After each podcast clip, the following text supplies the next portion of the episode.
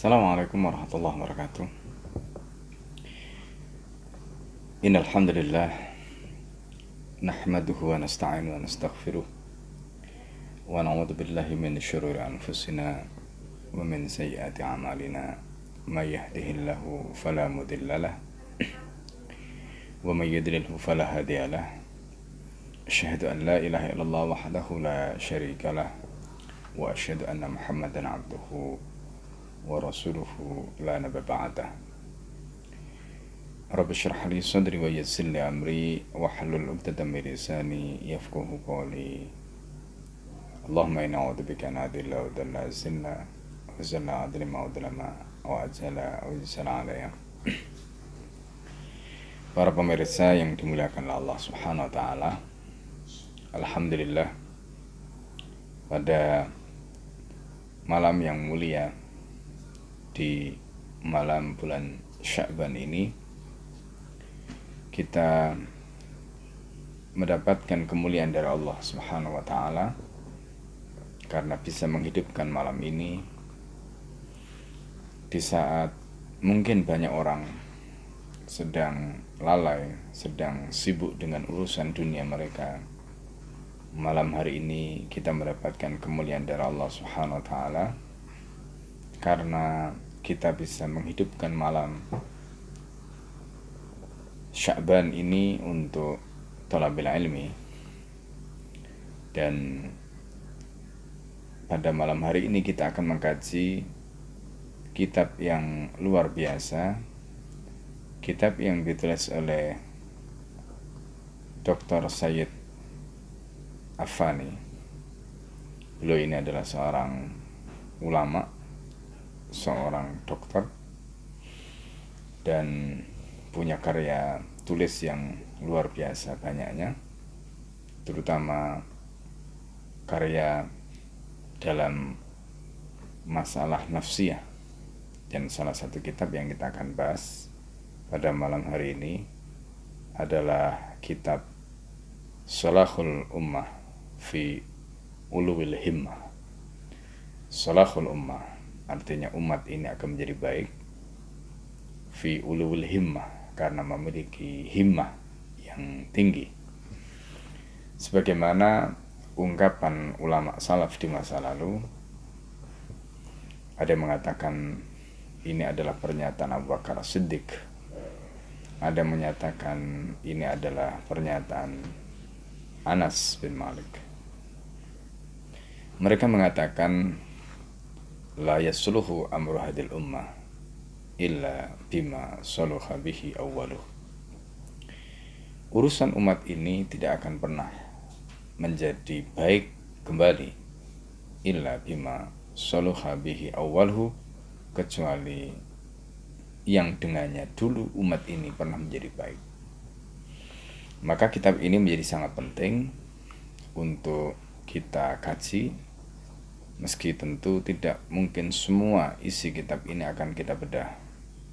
Mengingat kitab ini adalah kitab yang sangat besar jumlah halamannya pun banyak per jilidnya dan total ada 12 jilid.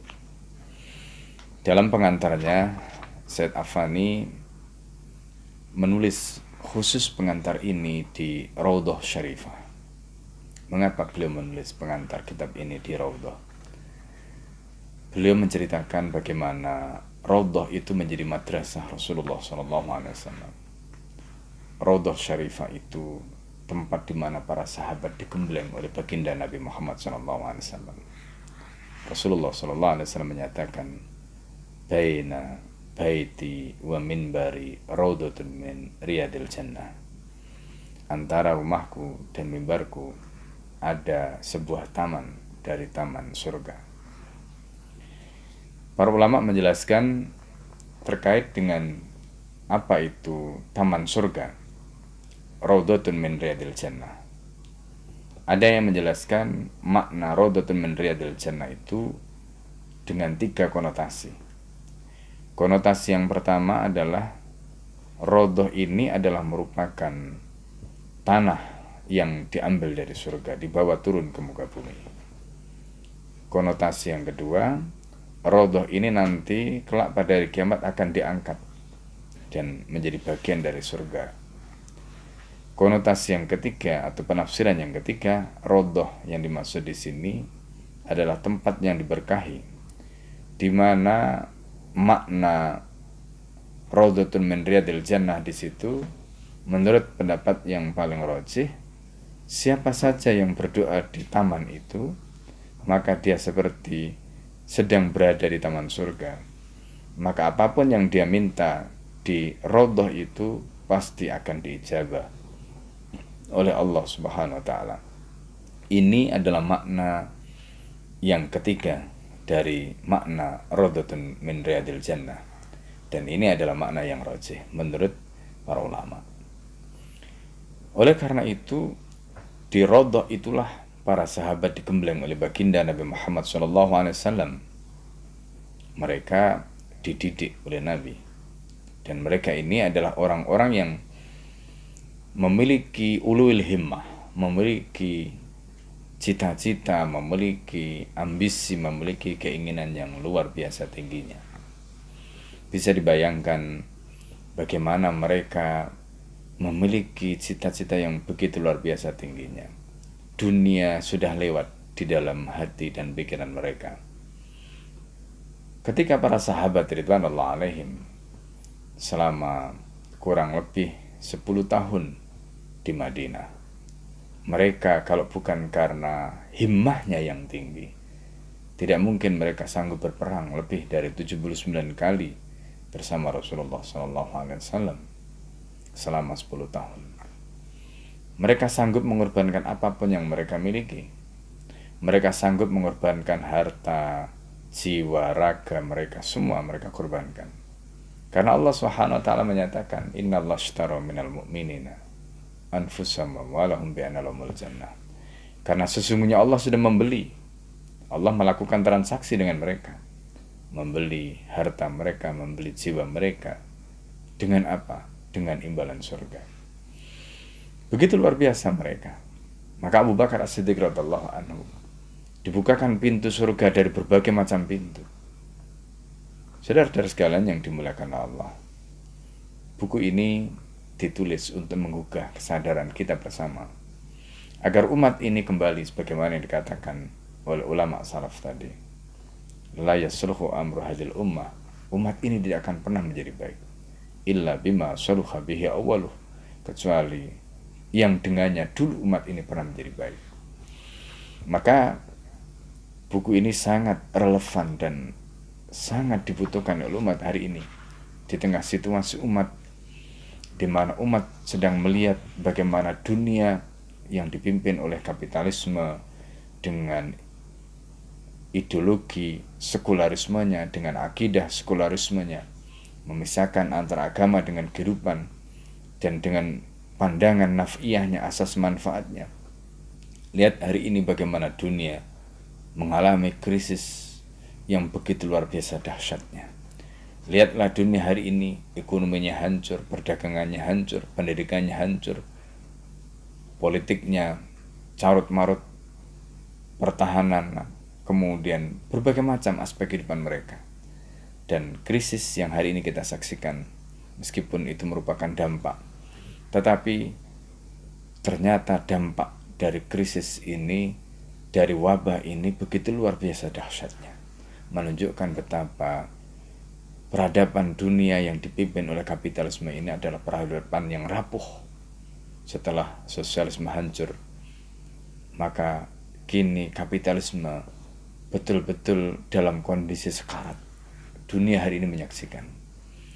Hari ini kita menyaksikan bagaimana di Eropa suara adzan dikumandangkan di mana-mana di Spanyol di Italia di Jerman di mana-mana mereka sudah menemukan solusi ketika mereka menghadapi jalan buntu. Solusinya adalah kembali kepada Allah.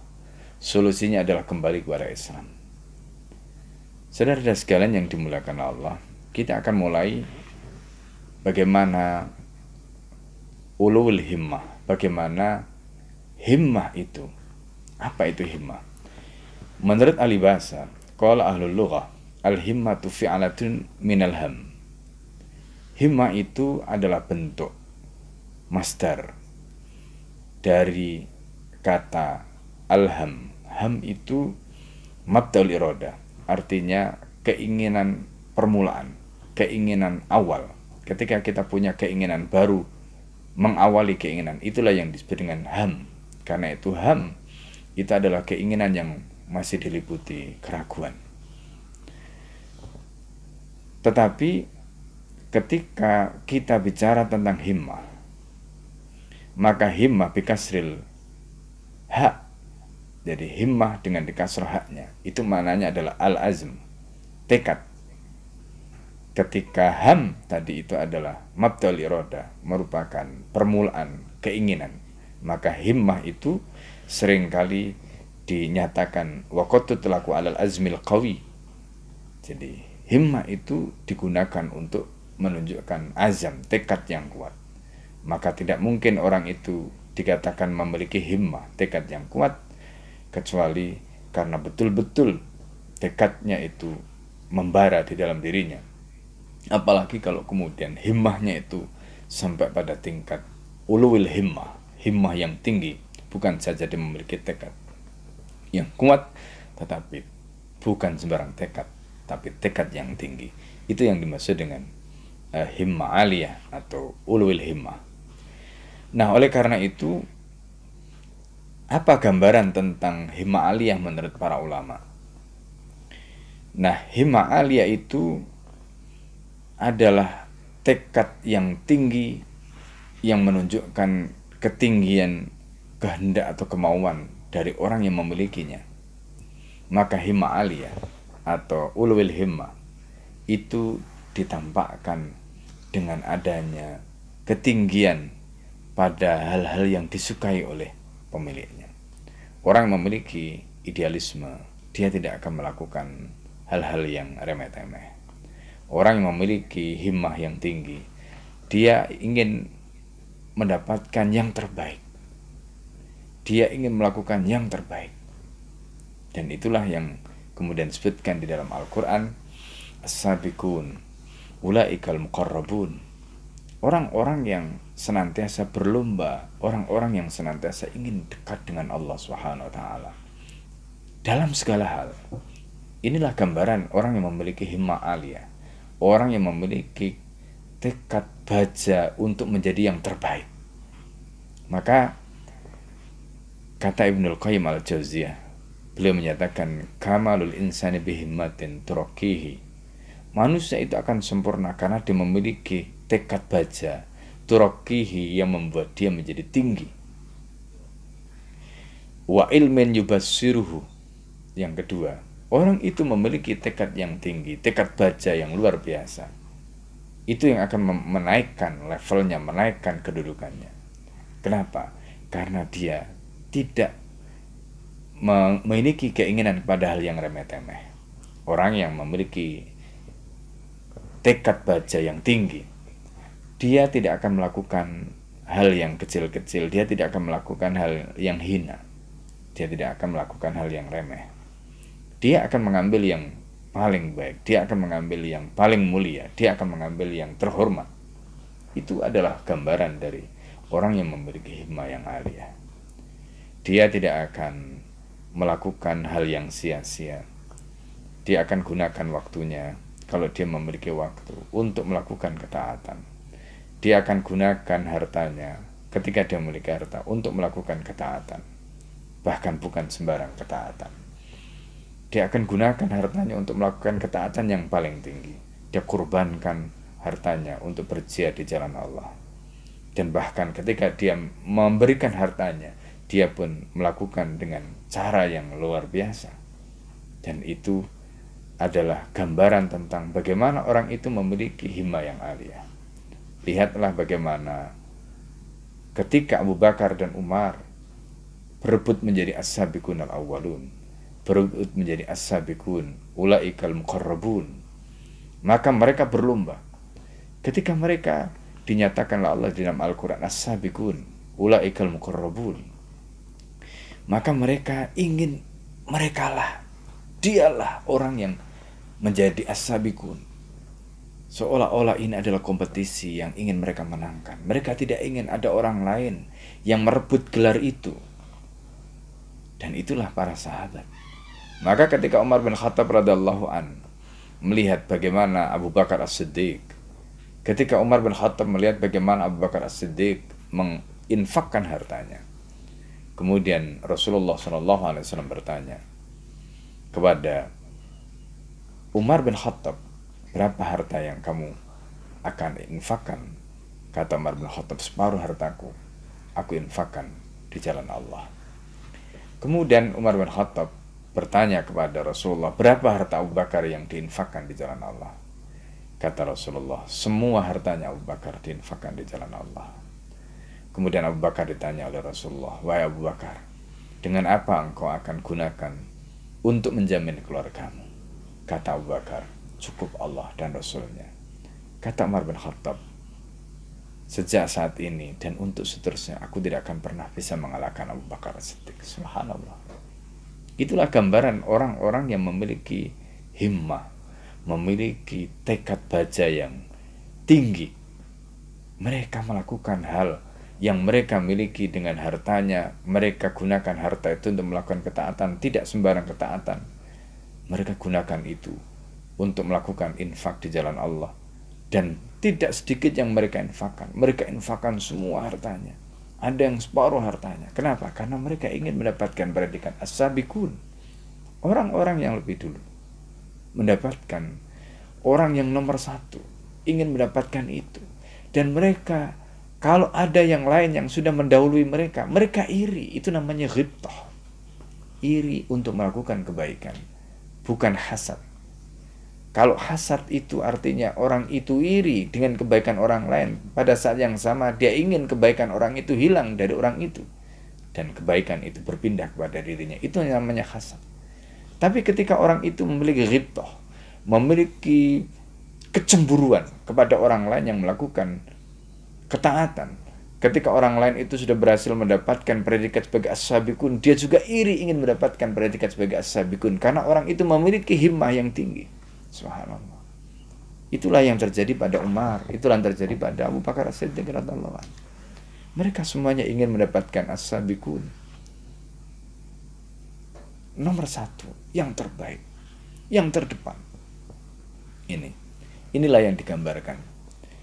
Karena itu, ketika kita bicara tentang bagaimana himmah yang tinggi atau himmah yang alia ini, maka contoh terbaik adalah contoh generasi yang dibangun oleh Rasulullah SAW. Contoh bagaimana perjuangan mereka, contoh bagaimana infak mereka, contoh bagaimana pengorbanan mereka. Subhanallah. Ketika Rasulullah SAW bahkan suatu ketika Aisyah radhiallahu an mengatakan Aisyah pernah mengajukan pertanyaan apa kata Aisyah radhiallahu an Adakah di antara kalian yang bisa atau mampu melakukan sebagaimana yang dilakukan Rasulullah SAW? Ayyukum yutiku makana yutiku Rasulullah Wasallam kata Aisyah. Siapakah di antara kalian yang sanggup melakukan sebagaimana yang dilakukan oleh Rasulullah Wasallam? Tidak akan ada. Rasulullah Wasallam kalau kita membaca kitab Hilyatul Aulia karangan Abu Nuaim yang kemudian diringkas oleh Al-Hafidh Ibn Al-Jazi di dalam kitab Sifatul Safwah. Sifatul Safwah itu adalah As-Safwah itu adalah inti inti dari Khilyatul Aulia. Kitab ini menceritakan tentang para wali, para kekasih Allah Subhanahu wa taala dan siapa para wali yang disebutkan di dalam kitab ini dalam konteks generasi kita umat Nabi Muhammad SAW maka nomor satu adalah baginda Nabi Muhammad SAW Rasulullah SAW adalah waliullah. Dan kemudian diikuti Abu Bakar Umar Utsman Ali dan begitu seterusnya. Apa yang ingin saya sampaikan dalam konteks ini Kitab Hilyatul Aulia atau sifat sofwah tadi memberikan gambaran kepada kita bagaimana mereka adalah orang-orang yang luar biasa. Orang-orang yang Masya Allah. Bagaimana mereka bisa seperti itu? Rasulullah Shallallahu Alaihi Wasallam adalah orang terbaik, khairul anam, khairul bashar, makhluk terbaik, manusia terbaik yang diciptakan Allah Subhanahu Wa Taala di muka bumi ini. Tetapi meskipun begitu Nabi Muhammad Wasallam bebannya juga luar biasa beratnya.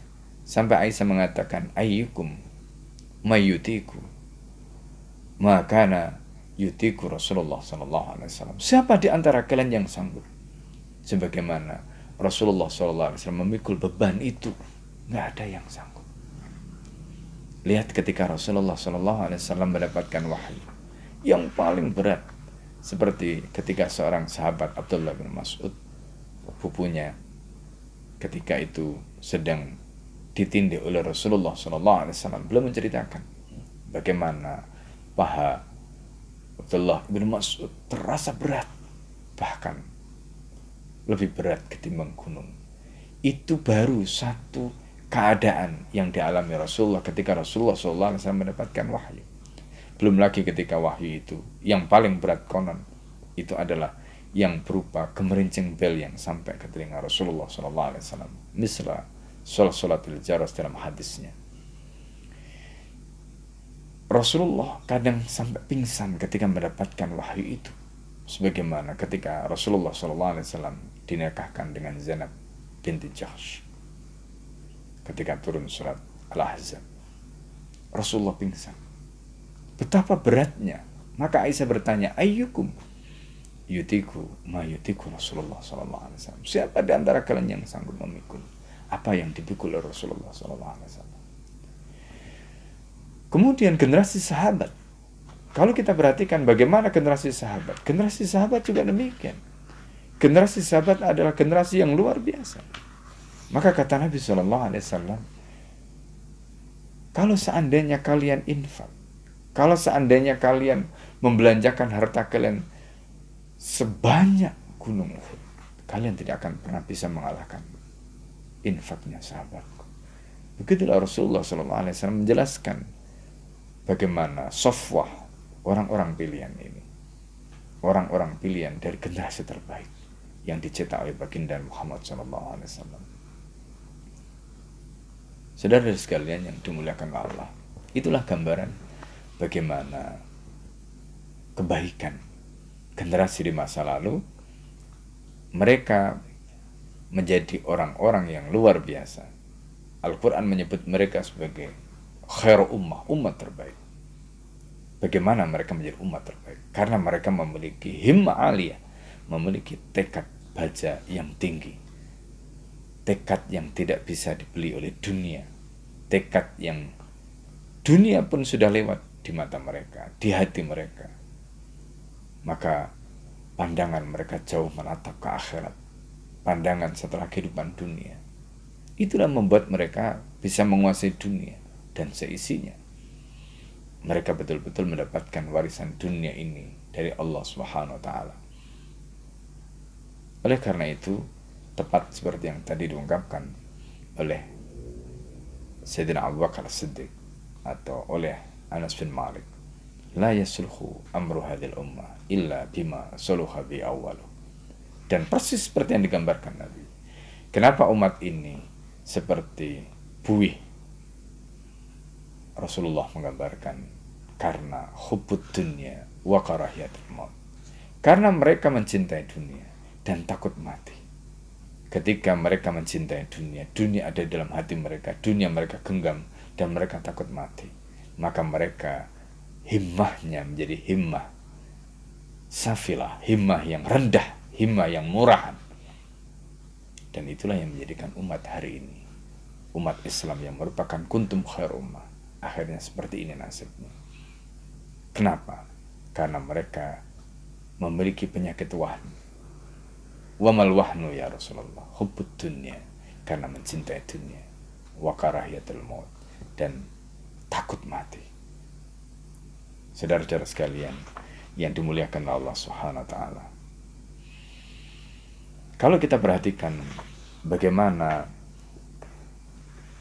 himmah yang alia Ibnul Qayyim Al-Jauziyah di dalam kitab Miftah dari Sa'adah beliau memberikan penjelasan apa kata beliau beliau mengutip pernyataan gurunya yaitu Ibnu Taimiyah Ibnu Taimiyah mengatakan qimatu kulli ma yuhsinu mengutip ucapan orang-orang qimatu kulli ma yuhsinu nilai seseorang itu ditentukan oleh ma yuhsinu apa yang dilakukan dengan sempurna.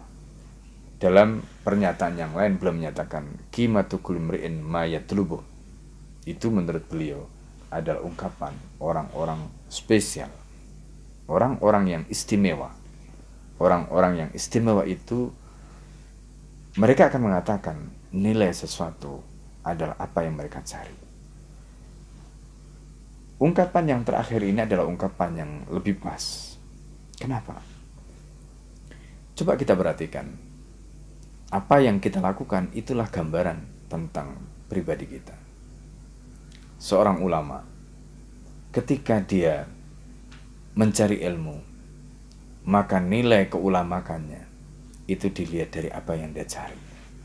Ketika dia mencari ilmu dan ilmu itu dia cari bukan sekedar untuk ilmu, tetapi ilmu itu dia cari untuk kemaslahatan agamanya, untuk kemaslahatan umat, untuk akhiratnya. Maka dia mencari ilmu bukan karena untuk memperjualbelikan agama seperti disinggung di dalam Al-Qur'an. Wa yashtaru bi ayatillah samanan qalila. Mereka memperjualbelikan ayat-ayat Allah dengan harga yang murah maka ini adalah contoh cerminan tentang nilai seseorang. Ketika seseorang itu mencari dunia, ketika seseorang itu memiliki ilmu untuk mendapatkan dunia, maka itulah nilai dia. Dia sanggup melakukan menjual beli ayat, menjual belikan fatwa, menjual belikan kedudukannya karena dipandang oleh manusia untuk keuntungan materi, untuk keuntungan dunianya. Ini yang disebutkan kimatu kulimrin mayatulubuh nilai seseorang itu tampak dari apa yang dia cari. Orang yang punya himmah yang alia, orang yang punya tekad baca yang tinggi, maka dia tidak akan mencari hal yang rendah. Dia tidak akan mencari hal yang hina. Dia tidak akan mencari hal yang remeh. Dia mencari ilmu. Bukan untuk mengisi perut dia. Dia mencari ilmu bukan karena kedudukan, bukan karena materi dan lihatlah kehidupan orang-orang di masa lalu yang betul-betul mendapatkan semuanya tadi itu ketika mereka mencari akhirat. Ilmu mereka gunakan untuk menjadi jembatan menuju ke akhirat. Dunia mereka dapatkan meskipun mereka tidak mengejarnya. Kisah ketika kita melihat kezuhudan Imam Nawawi bagaimana Imam Nawawi radhiallahu anhu begitu luar biasa zuhudnya. Beliau termasuk salah seorang ulama yang tidak menikah sepanjang hayatnya karena sibuk untuk mencari ilmu. Sejak kecil Imam Nawawi menjadikan waktunya untuk ilmu. Sampai kemudian akhirnya beliau diwafatkan oleh Allah di usia 41 tahun. Tetapi lihatlah bagaimana warisan Imam Nawawi setelah 40 tahun beliau meninggalkan dunia ini. Karyanya begitu luar biasa. Beliau bukan saja dikenal sebagai ulama yang Masya Allah karena saking zuhudnya, saking waroknya Imam Nawawi. Tubuhnya sampai kurus kering. Itu Imam Nawawi. Orang tidak percaya, itu Imam Nawawi. Karena penampakannya, fisiknya, penampilannya begitu tidak menampakkan beliau adalah seorang ulama karena penampilan fisiknya yang kurus. Tapi itulah kenyataannya. Beliau banyak habiskan waktunya untuk menulis, untuk belajar, untuk mengajar. dalam satu hari tidak kurang dari 12 pelajaran beliau kaji dan beliau bisa menghabiskan waktunya bahkan selama dua tahun lebih banyak waktunya beliau gunakan. Tidur sambil duduk menulis hanya waktu sebentar tidur kemudian beliau bangun lagi terus beliau gunakan untuk menulis. Begitulah mau ketika beliau mendapatkan bayaran dari Darul Hadis maka bayaran itu tidak beliau ambil. Bayaran itu diserahkan kembali kepada mutirnya kemudian mutirnya membelikan rumah untuk Imam Nawawi agar bisa ditempati oleh Imam Nawawi. Setelah Imam Nawawi wafat rumah yang ditempati itu digunakan diwakafkan. Begitu juga kitab-kitab yang dibeli oleh Imam Nawawi dari uang tadi semua diwakafkan. Sementara pakaian dan makanan yang dipakai dan dimakan Imam Nawawi itu adalah pemberian orang tuanya begitu luar biasanya himmahnya Imam Nawawi dan akhirnya kita menyaksikan bagaimana karya beliau yang luar biasa Orang-orang seperti ini tidak akan mungkin sanggup melakukan hal spektakuler kecuali karena mereka memiliki hima yang alia, hima yang tinggi. Kimatu kulimri'in mayatlubuh. Maka nilai seseorang itu kata Ibnu Taimiyah sebagaimana dikutip oleh Ibnu Qayyim al-Jauziyah tadi. Kimatu kulimri'in mayatlubuh terletak pada apa yang dia cari dan itulah yang kita lihat bagaimana ulama-ulama di masa lalu. Oleh karena itu, lihat kemudian apa yang dilakukan oleh Ibnu Taimiyah ketika di dalam penjara. Beliau manfaatkan waktunya dan menghasilkan kitab Majmu' Fatawa. Sekian jilid itu itu dihasilkan di dalam penjara. Lihat apa yang dilakukan oleh Imam as yang menulis kitab Al-Mabsud. Beliau menulis 30 jilid kitab Al-Mabsud itu juga ditulis di dalam penjara. Lihat apa yang dilakukan oleh Ibn Abdul Bar. Ibn Abdul Bar menulis kitab At-Tamhid itu selama 30 tahun. Kenapa ulama-ulama di masa lalu mereka bisa begitu luar biasa menghasilkan karya-karya besar. Bayangkan 30 tahun Ibn Abdul Bar menghasilkan kitab At-Tamhid dan beliau tidak keluar rumah selama 30 tahun untuk bergelut dengan kitabnya dari buku ke buku dari kertas ke kertas sampai menghasilkan karya yang spektakuler kitab At-Tamhid selama 30 tahun. Kenapa mereka bisa begitu? Itu karena mayat lubuh apa yang dia cari. Dan itulah yang dilakukan oleh ulama-ulama di masa lalu. Ini ketika kita bicara tentang ilmu.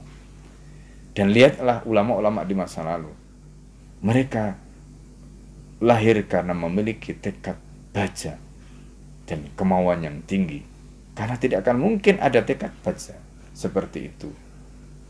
Kemudian orang-orang yang memilikinya tidak menjadi orang yang terhormat. Maka jawabannya tidak mungkin. Orang yang memiliki tekad baca yang tinggi tadi. Kemudian dia menggunakan itu untuk mencari sesuatu yang mulia, sesuatu yang tinggi. Pasti dia akan menjadi orang-orang yang mulia kisah Ibnu Abbas radhiallahu an ketika masih kecil. Ibnu Abbas ketika masih kecil dan ini adalah gambaran bagaimana Ibnu Abbas adalah seorang yang memiliki himmah yang alia. Ibnu Abbas lahir di Syekh Abu Talib. Ketika itu Rasulullah Shallallahu Alaihi Wasallam dengan Bani Hashim dan Bani Abdul Muttalib sedang berada di dalam suasana muqata'ah selama tiga tahun. Ibnu Abbas lahir pada waktu itu. Ibnu Abbas ketika lahir didoakan oleh Rasulullah sallallahu alaihi wasallam. Doa Rasulullah sallallahu alaihi wasallam, Allahumma 'allimhu fid din. Allahumma faqihhu fid din.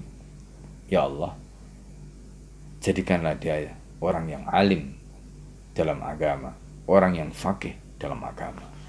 Doa Rasulullah wasallam adalah doa yang mustajab. Selain didoakan oleh Nabi Ibnu Abbas ditahnik oleh Rasulullah Wasallam. Ibnu Abbas kemudian menjelma menjadi anak yang sangat cerdas. Dalam kitab Mausu'ah Fikih Ibnu Abbas ditulis oleh Profesor Dr. Waskol Ahji disebutkan tentang Sirah Ibnu Abbas. Di situ dikatakan Ibnu Abbas itu ketika mendengarkan saat mendengarkan apa yang beliau dengarkan itu sebanyak 80 bait syair langsung beliau hafal. Itu Ibnu Abbas, saking cerdasnya.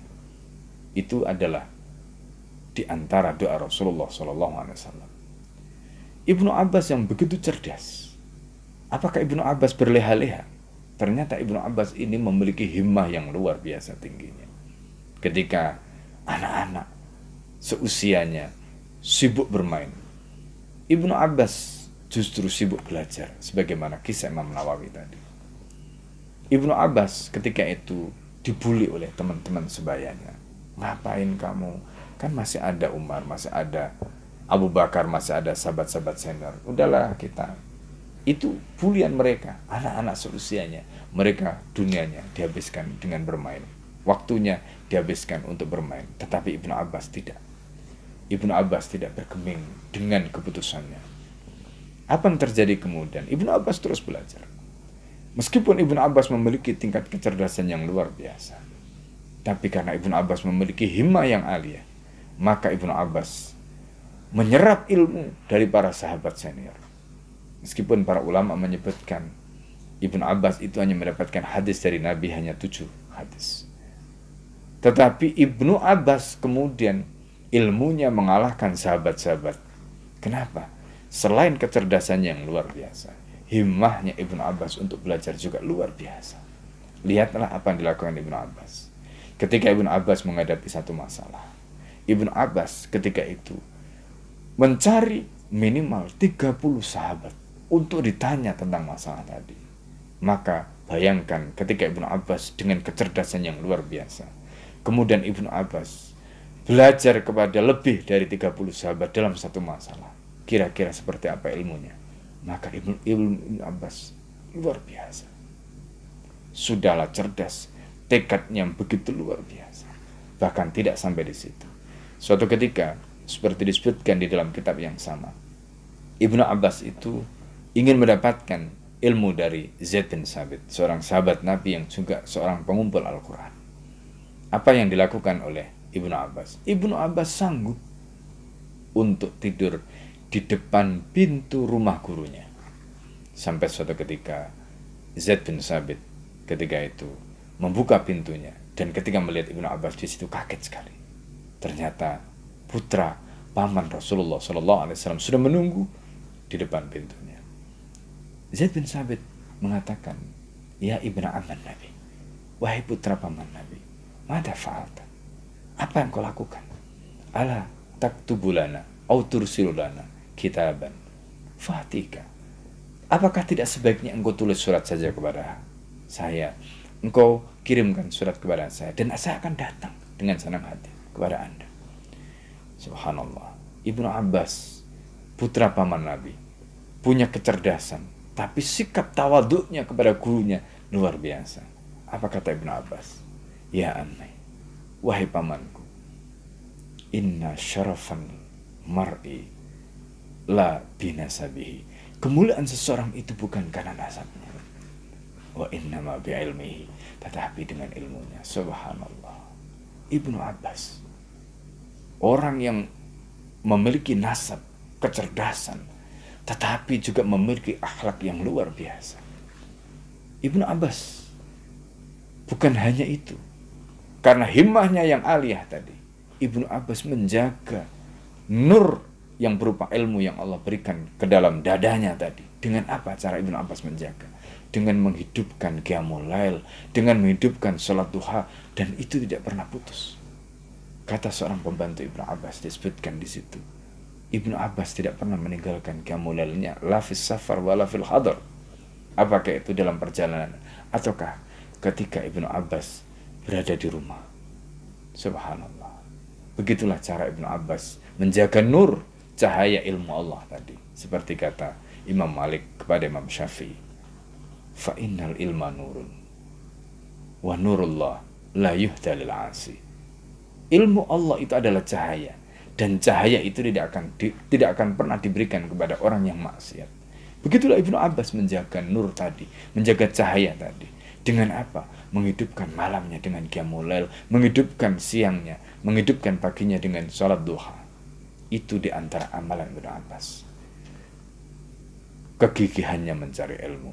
Satu masalah kepada 30 sahabat. Kecerdasannya yang bisa sekali mendengar 80 bait syair langsung hafal. Kemudian bagaimana tekad beliau untuk menjaga nur tadi yang begitu luar biasa. Subhanallah. Karena itu kemudian ketika Ibnu Abbas menjelma menjadi rijal, menjadi tokoh, menjadi figur, maka ketika itu teman-temannya yang dulu membuli Ibnu Abbas pada saat masih kecil, teman sepermainannya, begitu Ibnu Abbas berangkat haji ke Makkah. Di Masjidil Haram, para ulama datang dari penjuru dunia mereka datang berkerumun kepada Ibnu Abbas. Muadzin yang ada di sana menyampaikan, "Ya ma'syarul qurra, wahai ahli-ahli qiraah, qad hana. Waktu kalian telah tiba. Halum, sini sini." Mereka dipanggil menghadap Ibnu Abbas. Mereka belajar qiraah kepada Ibnu Abbas. Setelah mereka selesai, maka muadzin itu memanggil lagi. Apa kata mereka? Apa kata muadzin itu? Ya ayuhal fuqaha, wahai para fuqaha, qad hana. Telah tiba waktu kalian. Hal, mari, mari, mari. Maka mereka berkumpul, belajar fikih kepada Ibnu Abbas. Kemudian setelah itu, mereka selesai, ganti yang lain. Ganti ahli hadis, ganti ahli tafsir, ganti. Masya Allah. Kemudian teman Ibnu Abbas yang dulu semasa kecilnya bersama Ibnu Abbas. Apa kata mereka? Mereka mengatakan, Lakot sodoko Ibnu Abbas. Sungguh benarlah Ibnu Abbas. Mereka yang dulu ketika masih kecil bersama Ibnu Abbas. Mereka membuli Ibnu Abbas. Mereka hidupnya dimanfaatkan untuk bermain. Mereka waktunya digunakan untuk hal-hal yang tidak ada gunanya. Karena himmah mereka yang safilah tadi, yang rendah tadi. Tapi sebaliknya Ibnu Abbas. Karena himmahnya aliyah, tekadnya bulat yang begitu luar biasa tadi.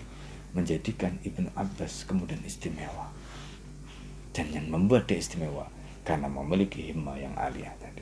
Dan itu membuat Ibnu Abbas kemudian menjelma menjadi sosok yang luar biasa. Bahkan kemudian, ketika Umar bin Khattab menjadi khalifah, tidak segan Umar bin Khattab meminta nasihat pada Ibnu Abbas. Padahal Ibnu Abbas adalah muridnya. Ketika Ali bin Abi Thalib menjadi khalifah, maka tidak segan Ali bin Abi Thalib mengangkat Ibnu Abbas menjadi penasihatnya. Bahkan ketika terjadi perang Siffin, siapa orang yang ada di dalam benak Sayyidina Ali untuk dijadikan sebagai wakil yang akan mewakili kemaslahatan pihak Sayyidina Ali di hadapan Muawiyah untuk berhadapan dengan Amr bin As. Jawabannya Ibnu Abbas. Kenapa Sayyidina Ali memilih Ibnu Abbas? Karena Sayyidina Ali tahu kapasitas Ibnu Abbas. Karena Sayyidina Ali tahu karena Sayyidina Ali adalah gurunya. Begitulah gambaran bagaimana sosok Ibnu Abbas kemudian menjelma menjadi orang menjadi rijal yang luar biasa. Kenapa Ibnu Abbas bisa menjelma begitu luar biasa? Jawabannya adalah karena Ibnu Abbas memiliki himmah aliyah. Himmah, tekad yang tinggi. Dan itulah yang mengantarkan nilai Ibnu Abbas kemudian menjadi orang hebat. Qimatu kulli mri'in ma Nilai seseorang terletak pada apa yang dia cari. Ketika orang itu memiliki himmah yang alia, maka dia akan mencari hal yang tinggi. Dia tidak akan mencari hal yang remeh-remeh.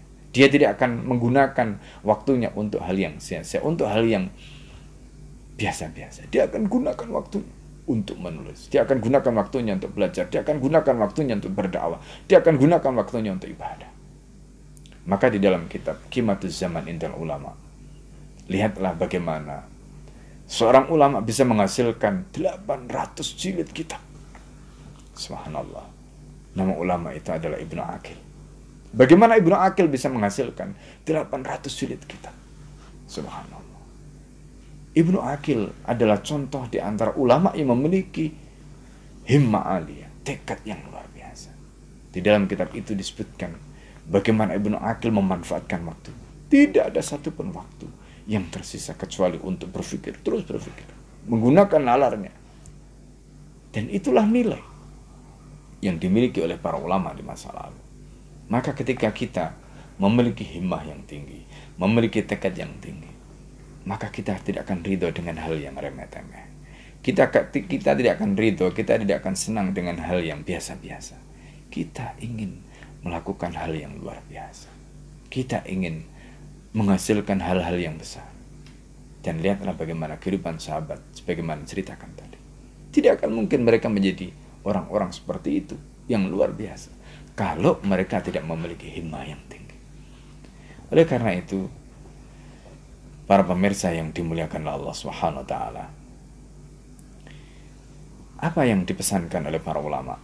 Wa'lam annal hasrata kulal hasrah katanya. Ketahuilah kerugian yang betul-betul merupakan kerugian. Al-istighalu biman la yajurru alikal istighal bihi illa fawta nasibaka wa hadzika minallahi ta'ala. Ketika kita menyibukkan dengan orang yang dia membawa kita kepada kesibukan dan kesibukan yang dia bawa itu ternyata tidak lain adalah menghilangkan bagian kita, menghilangkan apa yang semestinya kebaikan kita dapatkan di sisi Allah, maka itu adalah merupakan al-hasrah kul al-hasrah itu adalah merupakan kerugian paling rugi. Karena kita sudah kehilangan waktu, kita sudah kehilangan kesempatan, kita sudah kehilangan momentum. Maka kalau kita perhatikan kenapa ulama-ulama di masa lalu, kenapa para pejuang di masa lalu begitu luar biasa. Karya mereka, hasil mereka, capaian mereka. Itu karena mereka ingin mendapatkan haddun minallah, bagian dari Allah taala yang luar biasa. Meskipun para sahabat seperti Abu Bakar, Umar, Utsman, Ali, Abdurrahman bin Auf dan sahabat-sahabat yang lain. Mereka sudah mendapatkan garansi dari Nabi Shallallahu Alaihi Wasallam. Abu Bakar fil jannah, Umar fil jannah, Utsman fil jannah, Ali fil jannah, Abdurrahman fil jannah. Tapi apa yang mereka lakukan? Apakah kemudian mereka menjadikan garansi itu kemudian membuat mereka leha-leha? Jawabannya tidak. Kimatukul meri'in mayatrubu. Justru mereka ingin betul-betul memastikan nilai mereka. Maka mereka mencari apa yang telah dinyatakan Nabi tadi. Mereka sanggup korbankan apa pun yang mereka miliki demi mendapatkan apa yang dititahkan oleh Rasulullah SAW. Mereka tidak ingin kehilangan momentum, mereka tidak ingin kehilangan kesempatan. Apa yang dinyatakan Rasulullah, Abu Bakar fil jannah, Umar fil jannah, Utsman fil jannah, Ali fil jannah, Abdurrahman fil jannah. Justru mereka ingin buktikan bahwa itu betul-betul nyata dan mereka dapatkan. Wajar jika kemudian apa yang mereka lakukan begitu spektakuler begitu luar biasa. Kenapa? Karena mereka ingin mendapatkan tiket surga yang begitu istimewa. 79 kali lebih mereka sanggup berperang bersama Rasulullah semasa 10 tahun di Madinah. Kalau bukan karena tekad bulat yang tinggi, tidak akan mungkin mereka sanggup melakukan itu. Mereka-mereka yang tidak memiliki kesanggupan karena secara fisik mengalami kekurangan. Disebut dalam bahasa Al-Quran, illa ulid doror, yaitu mereka-mereka yang memang memiliki keterbatasan. Itu pun seperti kisah Abdullah bin Maktum. Dulu pada zaman Nabi masih hidup, Abdullah bin Maktum tidak ikut berperang karena tidak boleh oleh Rasulullah SAW. Abdullah bin Maktum ditugaskan untuk menunggu Madinah, menjadi amir di Madinah. Itu yang dinyatakan Rasulullah pada Abdullah bin Maktum. Tetapi ketika Umar bin Khattab menjadi khalifah, Abdullah Umi Maktum merengek-rengek pada Umar bin Khattab. Minta supaya diizinkan untuk ikut berperang. Kenapa? Karena ingin mendapatkan syahadah. Dan lihat apa yang kemudian terjadi. Abdullah bin Maktum adalah sahabat yang buta. Yang karena peristiwanya maka Allah turunkan surat Abasa wa Tawala a'ma. Itu adalah peristiwa tentang Abdullah bin Maktum yang minta diajari Islam oleh Rasulullah ketika di Mekah.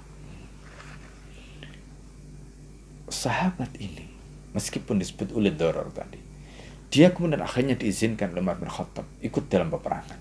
Apa yang terjadi kemudian? Dia gali lubang kemudian dia tancapkan bendera di lubang itu supaya musuh datang menghampirinya. Sudahlah beliau tidak bisa melihat. Kemudian menggali lubang kemudian bendera itu tancapkan di lubang itu supaya apa? Beliau ingin mendapatkan syahadah mati syahid. Dan akhirnya Allah kabulkan keinginannya. Kimatu kulli mri'in ma nilai seseorang itu terletak pada apa yang dia cari. Lihat apa yang dilakukan Ali bin Abi Thalib. Menantu Rasulullah Sallallahu Alaihi Wasallam. Ali bin Abi Thalib ketika perang Badar ketika perang Badar Ali bin Abi Thalib ingin mendapatkan syahadah tetapi Ali bin Abi Thalib tidak mendapatkan syahadah pada saat perang Badar apakah Ali bin Abi Thalib berhenti tidak Ali bin Abi Thalib ingin mendapatkan syahadah pada saat perang Uhud, maka perang Uhud diikuti. Harapannya, oh mungkin aku akan mati syahid pada saat perang Uhud. Ternyata perang Uhud selesai Ali bin Abi Thalib juga tidak ditakdirkan oleh Allah menjadi syahid meskipun saudara saudara ayahnya yaitu Hamzah bin Abdul Muthalib akhirnya gugur menjadi syahid. Tetapi Ali bin Abi Thalib tidak menjadi syahid pada saat perang Uhud. Kemudian ketika perang Khandaq, pada saat perang Khandaq, Ali bin Abi Thalib juga demikian ikut perang Khandaq. Harapannya mendapatkan syahadah pada saat perang Khandaq. Apa yang terjadi kemudian? Ternyata Ali bin Abi Thalib tidak mendapatkan syahadah pada saat perang Khandaq. Sampai kemudian akhirnya terjadilah perang Khaybar, perang Tabuk. Dan kemudian semua itu tidak mendatangkan syahadah kepada Ali bin Abi Thalib. Sampailah kemudian akhirnya beliau mendapatkan syahadah pada saat sedang sholat. Ketika beliau ditikam dan ketika itu belum jadi imam. Syahadah itulah yang beliau mendapatkan. Beliau dapatkan bukan di medan perang tapi syahid. Syahid dar, syahid di rumah karena dibunuh pada saat menjadi imam.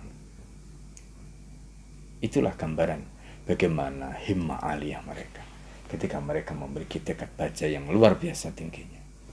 Mereka tidak melakukan hal yang remeh-temeh karena nafsun tawakah mereka, jiwa mereka yang tinggi. Subhanallah. Pelajaran-pelajaran begitu berharga dari para sahabat. Oleh karena itu, apa yang membuat himmah kita itu tinggi? Himmah kita itu tinggi karena kita memiliki cita-cita yang tinggi, memiliki keinginan yang tinggi, memiliki impian yang tinggi. Dan mimpi yang paling tinggi itu adalah mendapatkan ladatin natri ila wajhillah, kenikmatan bisa melihat wajahnya Allah Subhanahu wa taala. Maka lihatlah apa yang dinyatakan oleh Umar bin Abdul Aziz Ketika Umar bin Abdul Aziz mengatakan, Innali nafsun tawakal. Aku memiliki jiwa yang tinggi. Wala tazalu tatawak ilal imarah. Jiwaku yang tinggi itu selalu mengendaki untuk mendapatkan kepemimpinan. Falamma niltuha tatawakko ilal khilafah. Ketika aku sudah mendapatkan kepemimpinan itu, maka aku ingin mendapatkan jabatan sebagai khalifah dan khalifah adalah jabatan tertinggi di muka bumi. Kemudian apa yang beliau katakan? Falamma niltuha tatawakko ilal jannah. Ketika aku sudah mendapatkan jabatan itu, maka ambisiku, keinginanku tetap belum selesai karena ingin mendapatkan yang lebih tinggi lagi. Apa? Yaitu jannah, surga. Subhanallah. Itulah orang yang memiliki himmah aliyah dengan himmah yang tinggi, dengan idealisme, keinginan yang tinggi. Maka Umar bin Abdul Aziz kemudian menjadikan dirinya sanggup melakukan apa pun demi meraih himmahnya tadi, demi meraih idealismenya tadi, demi meraih tekadnya yang tinggi tadi. Apa? Mendapatkan jannah. Dan di sana dia mendapatkan ladatan nadri ila wajillah kenikmatan bisa melihat wajahnya Allah Subhanahu wa taala. Ketika orang itu sudah memiliki ambisi, keinginan untuk mendapatkan itu, maka apa pun sanggup dia korbankan, apa pun sanggup dia tinggalkan. inilah yang menjadikan orang itu memiliki himmah aliyah. Tetapi untuk memiliki himmah aliyah di sini seperti yang disebutkan Ibnu Al-Qayyim Al-Jauziyah tadi. Kamalul insan bihimmatin turakkihi wa ilmin yubassiruh. Orang itu akan sempurna karena dia memiliki himmah turakkihi, punya ambisi, tekad kuat yang tinggi yang akan menjadikan dia tinggi. Tetapi tekad yang kuat saja tidak cukup. Harus ada ilmin yubassiruh. Harus ada ilmu yang menuntun, harus ada ilmu yang membimbing. Tekad yang tinggi tanpa ilmu tidak akan mungkin. Maka di sinilah pentingnya kita belajar, terus belajar. Dan dengan belajar itu kita akan tahu karena belajar dari belajar itu kita seperti kata Menurut tadi memiliki ilmu yang yubassiruh yang bisa membimbing kita. Dan semoga kita termasuk orang-orang yang diberikan oleh Allah Subhanahu wa taala tekad yang tinggi, himmah alia dan generasi ke depan adalah generasi emas di mana Islam akan kembali memimpin peradaban sebagaimana hadis Rasulullah sallallahu alaihi wasallam. Apa kata Nabi? Innallaha zawalil ardo. Allah Subhanahu wa taala telah menggulung bumi ini. Allah tunjukkan bumi ini. Kemudian apa kata Nabi? Wa ra'aitu mulka ummati dan aku melihat kekuasaan umatku. Min masyarikiha ila magharibiha. Dari ujung timur sampai ujung barat. Wa sayabluhu mulku ummati ma balaghal lail wan nahar. Dan kekuasaan umatku akan sampai sebagaimana sampainya siang dan malam. Hari ini kita menyaksikan tanda-tanda kekuasaan Allah yang disampaikan melalui lisan Rasulullah SAW itu. Insya Allah sebentar lagi akan terjadi. Kekuasaan Islam akan sampai sebagaimana sampainya siang dan malam. Kekuasaan umat Nabi Muhammad sebagaimana dilihat oleh Nabi ketika bumi itu digulung. Dilihat dari timur dan barat, dari ujung timur sampai ujung barat. Pertanyaannya, apakah kita termasuk di antara mereka yang akan mendapatkan titah ini bisa mewarisi dunia dan seisinya? Jawabannya kembali kepada kita. Kalau kita termasuk umat Nabi Muhammad yang memiliki himmah yang aliyah tadi, maka insya Allah kitalah generasi emas itu generasi yang akan mewarisi dunia dan seisinya. Generasi yang akan kembali mewarisi kepemimpinan dunia ini. Generasi yang akan kembali memimpin umat manusia. Dengan apa? Peradaban Islam tadi. Bagaimana kita memiliki peradaban yang tinggi al-islamu ya'lu wa la. Kalau kita tidak memiliki hima yang alia untuk mempelajarinya, maka gunakanlah kesempatan ini, momentum ini untuk mempersiapkan diri kita, mempersiapkan keluarga kita, mempersiapkan anak-anak kita, generasi kita. Dan mari kita bersama-sama mewujudkan peradaban emas, menjadikan Islam menjadi pemimpin dunia, menjadikan Islam menjadi rahmatan lil alamin. Dan itu mari kita mulai dengan memiliki himmah aliyah dan itu artinya berarti kita menancapkan komitmen dan tekad di dalam hati kita. Semuanya demi Islam semuanya li'la'i kalimatillah untuk menjunjung tinggi kalimat Allah Subhanahu wa taala. Memang betul Islam itu akan ditolong oleh Allah. Tetapi Allah Subhanahu taala tidak akan mengubah keadaan kita. Innallaha la yughayyiru ma biqaumin. Allah tidak akan mengubah keadaan suatu kaum hatta yughayyiru ma Itu artinya berarti kita harus melakukan ikhtiar. Kita mulai dengan mewujudkan tekad atau himmah aliyah di dalam diri kita, di dalam keluarga kita, di dalam diri anak-anak kita, generasi kita. Dan setelah itu, kemudian kita wujudkan tekad baca itu di dalam diri umat kita untuk mewujudkan himmah yang aliyah menjadi kuntum khair ummah, umat terbaik. Hadanallah wa iyyakum. Assalamualaikum warahmatullahi wabarakatuh.